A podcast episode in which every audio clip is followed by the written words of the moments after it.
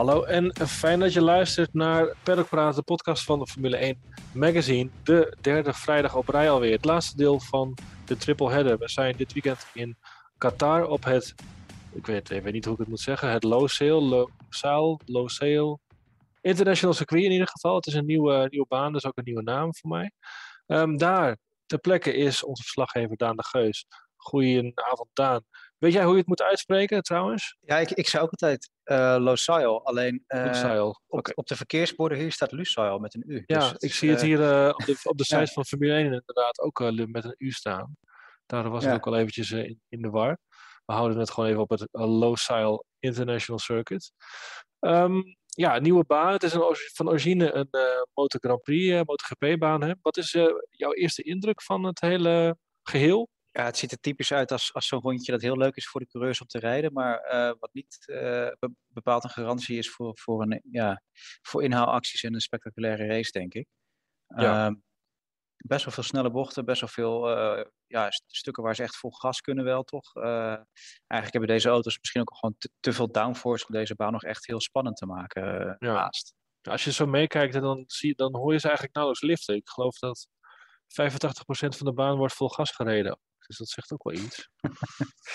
Ja, wij, wij hadden vanochtend of vanmiddag een kleine discussie, omdat ik zei eh, dat het me van tevoren enigszins deed denken aan Mugello. En dat vond jij toch een soort heilig, heilig Nee, dat kun je eh, echt niet zeggen. Want de baan is ook gewoon zo plat als een dubbeltje. En ik weet niet meer even wie het gisteren zei, maar die zei ook van... Ik denk dat het ook best lastig wordt om te kijken waar, eh, ja, waar je naartoe moet. Het is, het is een brede baan, hè, het is een motorbaan. En als het zo plat is en je zit ja, in in je zitpositie waarin je zit eh, in zo'n Formule 1 auto... dan is het sowieso lastig eh, nou ja, oriënteren. Vooral in het begin, kan ik me zo indenken. En, Ja, er is best veel blind inderdaad. ja, ja. ja, nee, en met Mugello vergelijken, sorry. Dat, eh, nee, dat, Ja, dat was meer, meer, ging, ging ook meer om het karakter inderdaad. Maar eh, Ja. als, als ik één één vergelijking mag trekken met een andere baan, dan, dan misschien dat sommige coureurs wel een soort eh, ja, Sochi-syndroom eh, krijgen. Ah, ja. Want daar hoor je dan vaak de klacht van coureurs van ja, ik, ik kan me niet oriënteren, want ik zie alleen maar hekken langs de baan en, en verder niks. Nee. En ik denk, wat je ook aanhaalt door de zitpositie hier, dat je ook heel weinig oriëntatiepunten hebt. En wat je naast de baan ziet, ja, dat is met, met alle respect ook niet even spannend. Want dat is Een vooral, verdwaalde, verdwaalde palmboom hier en daar, toch? ja, Ja. Vooral, vooral woestijn inderdaad, ja. Ja, ik wil ook zeggen, gelukkig rijden we wel in het donker, want ik vond het bij daglicht. Laten we het even, even alle negatieve, negatieve dingetjes even uitgooien, zo aan het begin.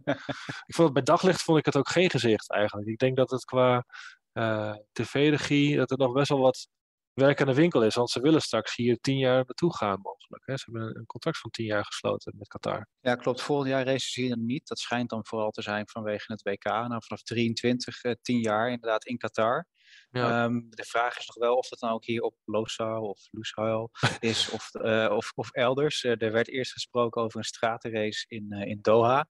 Een compleet nieuwe baan is misschien ook nog wel een op- op- optie, want er is genoeg braakliggend eh, terrein nog hier eh, wat je kan gebruiken in Ja, Qatar. ja. Eh, maar het grappige is, het- je ziet wel aan alles. Hè. Het WK komt natuurlijk ook hier naartoe. Er wordt enorm gebouwd. Die stadions, nou, daar hoeven we niet helemaal op in te gaan. Dat verhaal dat kent iedereen. Maar ook daaromheen wordt gewoon ontzettend in de infrastructuur geïnvesteerd. Ja. En onderweg naar het circuit vanuit Doha, dat is ja, gewoon een ritje van, van een minuut of dertig naar het noorden. Ehm, als je dan dit, ja, deze regio inrijdt, zal ik maar zeggen, het lijkt wel alsof er eh, onderweg drie compleet nieuwe steden uit, de- uit de grond eh, gestampt eh, worden. Dus ja, er kan best nog ergens een stratencircuitje tussen gelegd worden. Ja, het is ook wat, wat tv betreft, het is ook heel lastig om te zien waar de coureurs zijn eigenlijk. Je hebt natuurlijk de klok als oriëntatiemeter, zeg maar. Ja, nee, het is niet zoals in, eh, in Spa of zo, dat je gewoon kan zien aan de baan van, oh, hier, ze rijden nu in Pouhon Ja. of eh Vanjes of zo. Nee, dat, Nee. Is, dat is heel lastig, ja. Nee. En ademt, ademt het circuit zelf ook een beetje autosport? Of is dat ook nog, eh, moet dat ook nog komen? Want- Eh, nou, ja, wij, wij parkeren hier op een kartbaan, dus dat, eh, dat ja. draagt er een beetje aan bij. Maar eh, nee, het is, het is niet zo dat je, dat, je, dat je hier naar binnen rijdt en wordt overvallen door, door autosport memorabilia of, of MotoGP eh, aankleding of zo. Nee. En ik heb ook wel begrepen dat, dat mochten ze besluiten hier langer te blijven racen, dat dan de pitboxen nog eh onder handen genomen worden. ja. Ehm, want die zijn dus gebouwd voor de MotoGP, dus die zijn relatief klein.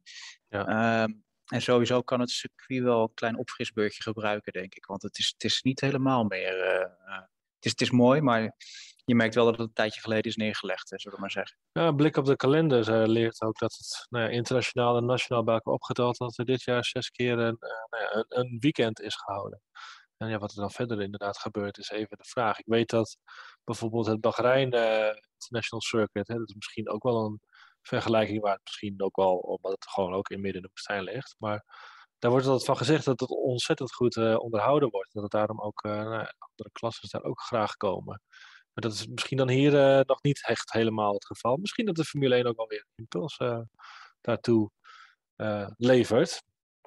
Um, genoeg over de baan, ja, wat er op de, op de baan te zien is. Naast de baan gebeurde er vandaag natuurlijk ook genoeg. Want er was toch het verzoek van Mercedes om ja, de, het incident in Brazilië tussen uh, Max Verstappen en Lewis Hamilton nog een keer te bekijken. Zij vonden dat daarvoor uh, nou ja, reden genoeg was met nieuwe videobeelden. Al zeiden ze vandaag dat het toch ook vooral was om discussie uh, aan te zwingelen.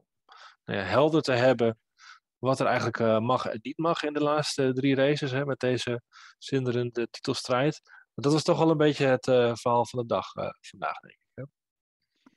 Ja, absoluut. Eigenlijk iedereen keek eh, meer uit naar die persconferentie dan, uh, dan naar de trainingen. Uh, en ja, het ging er redelijk uh, bedeesd. Vriendelijk is niet, niet het juiste woord, bedeesd. Ja. Af en toe een klein beetje stekelig, maar ja. het ging er redelijk professioneel aan toe. Horner en Wolf hadden zich natuurlijk wel gewoon goed voorbereid, waren misschien wel getrild door de mediateams.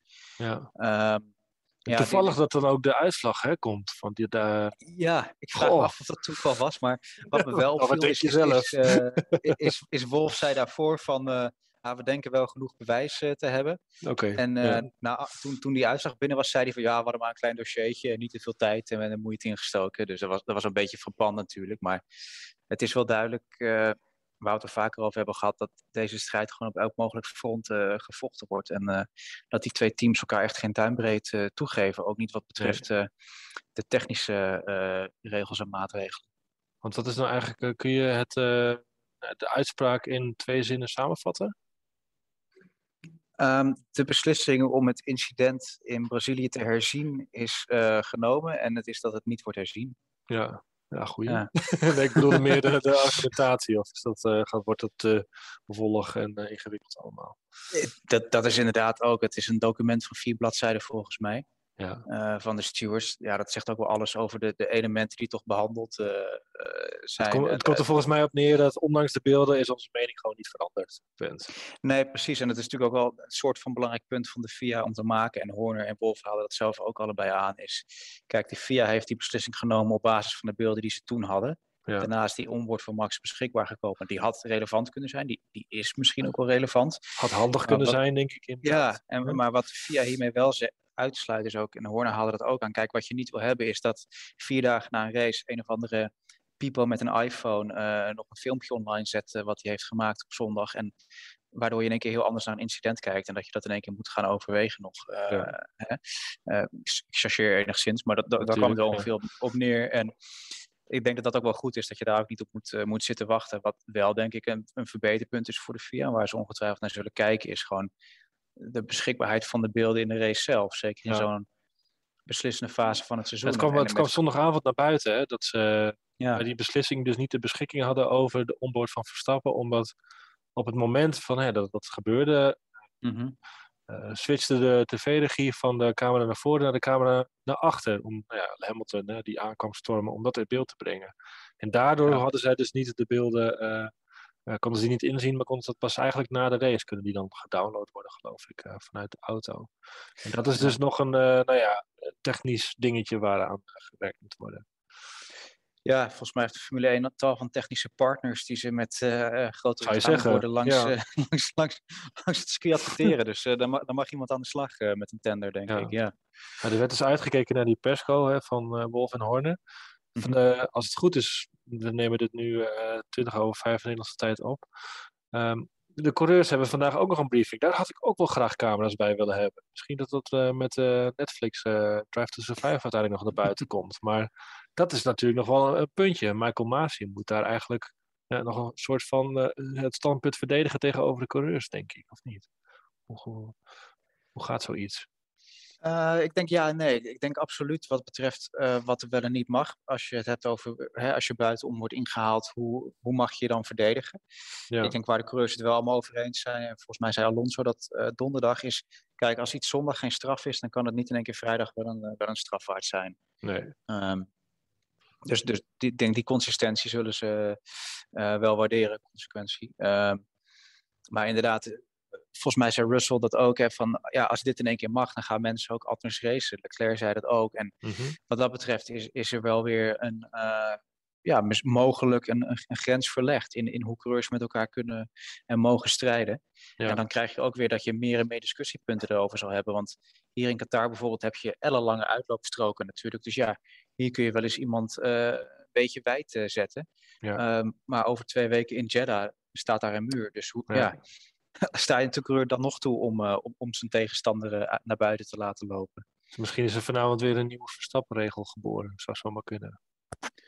Ja, ik denk toch dat uh, die bekende grafiekjes van Toto Wolff van autootjes naast elkaar oh, ja. en voor, ja. voorwielen naast voorvleugels, noem het maar op, dat, dat zij wel eens een stuk grotere rol kunnen ja. gaan spelen inderdaad in, in, in, komende races.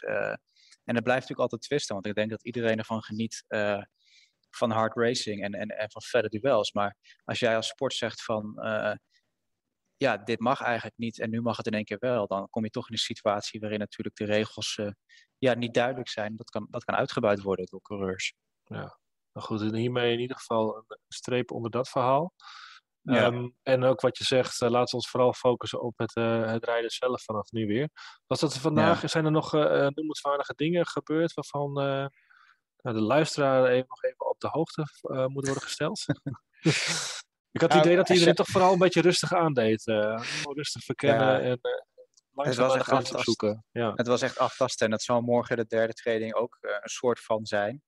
Um, om, omdat natuurlijk de derde training overdag gehouden wordt en dan een qualifying om, om uh, ja, eigenlijk als de schemering inzet. Dus dan zijn de omstandigheden natuurlijk heel anders. En dat zie je altijd. En dat is ook wanneer de race gehouden wordt.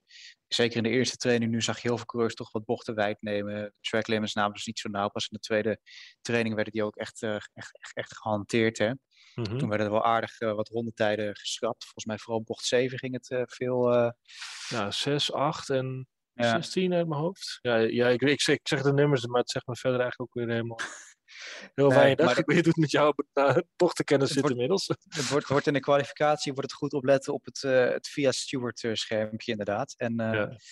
ja. we zagen een aantal coureurs gaan. Er ligt veel stof op de baan. nou, dat zullen ze er wel afrijden. Maar eigenlijk iedere keer dat iemand dan wijd gaat, dan trekt hij weer stof de baan op natuurlijk. En oh ja, ja. de pitstraat lag ook vol met zand volgens mij nog. Dus ik denk dat de bezemploeg vanavond wel even aan het werk mag. En ja helaas, los van het rijden speelt er toch nog een andere zaak. En dat is natuurlijk de achtervleugel van de Mercedes, waar nog heel veel om te doen is. En waar zeker Red Bull echt nog met argusogen naar kijkt. En een protest niet, uh, niet uitsluit ook.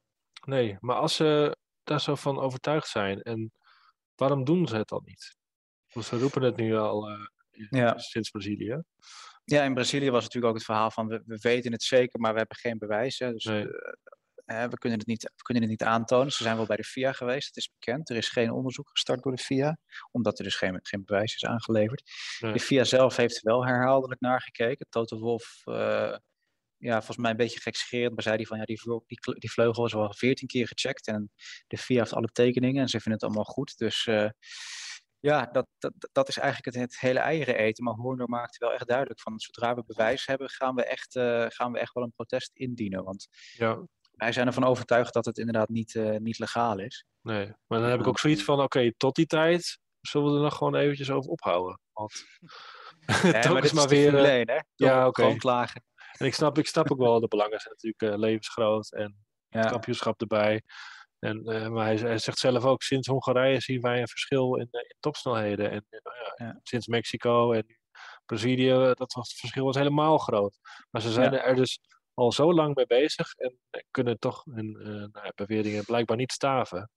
Nee, dus het grappige is dat, dat Red Bull toch wel iets weet van flexi-wings. Dus als Mercedes ah, inderdaad zeggen. iets heeft, dan is het, uh, is het heel goed bedacht. Um, en ja, wat ik wel positief vond, is zowel Wolf als Horner haalden ook wel aan van, kijk, niemand zit te wachten op een kampioenschapsstrijd die straks beslist wordt aan de jurytafel. Nee. Dus laten we ook echt absoluut hopen dat als, als het op dit soort protesten aankomt, of, of dingen die op de baan gebeuren, zoals een incident uit Brazilië, zo Hamilton Verstappen-achtig incident, dat het alsjeblieft gewoon op tijd beslist wordt. En dat we niet inderdaad straks in Abu Dhabi zitten van, nou, wie, wie, krijgt aan de jurytafel de, deze titel toebedeeld? Uh? Dat we ergens uh, nou ja, rond drie koningen nog een andere wereldkampioen uh, krijgen, bij zo'n spreken. Dan wordt er iemand gekroond, inderdaad. Ja, ja, ja. goed. Um, vorige keer, vorige week vrijdag namen wij ook een vrijdag podcast op. Dat was in Brazilië. Toen barstte een half uur later volgens mij de bom van de DRS-vleugel. We gaan er mm -hmm. maar even vanuit dat dit nu niet gaat gebeuren. En mocht je denken, zou, er nog iets gebeurd zijn, hou dan vooral onze website in de gaten, formule1.nl. Dan spreken we jou maandag weer, uh, Daan. Dan gaan we het hebben over uh, de rest van het weekend. Hopelijk een, uh, een normaal verloop, een mooie race met een mooie winnaar. Tot, tot maandag, Daan, zou ik zeggen. En voor de luisteraar, tot de volgende. Perlpraat.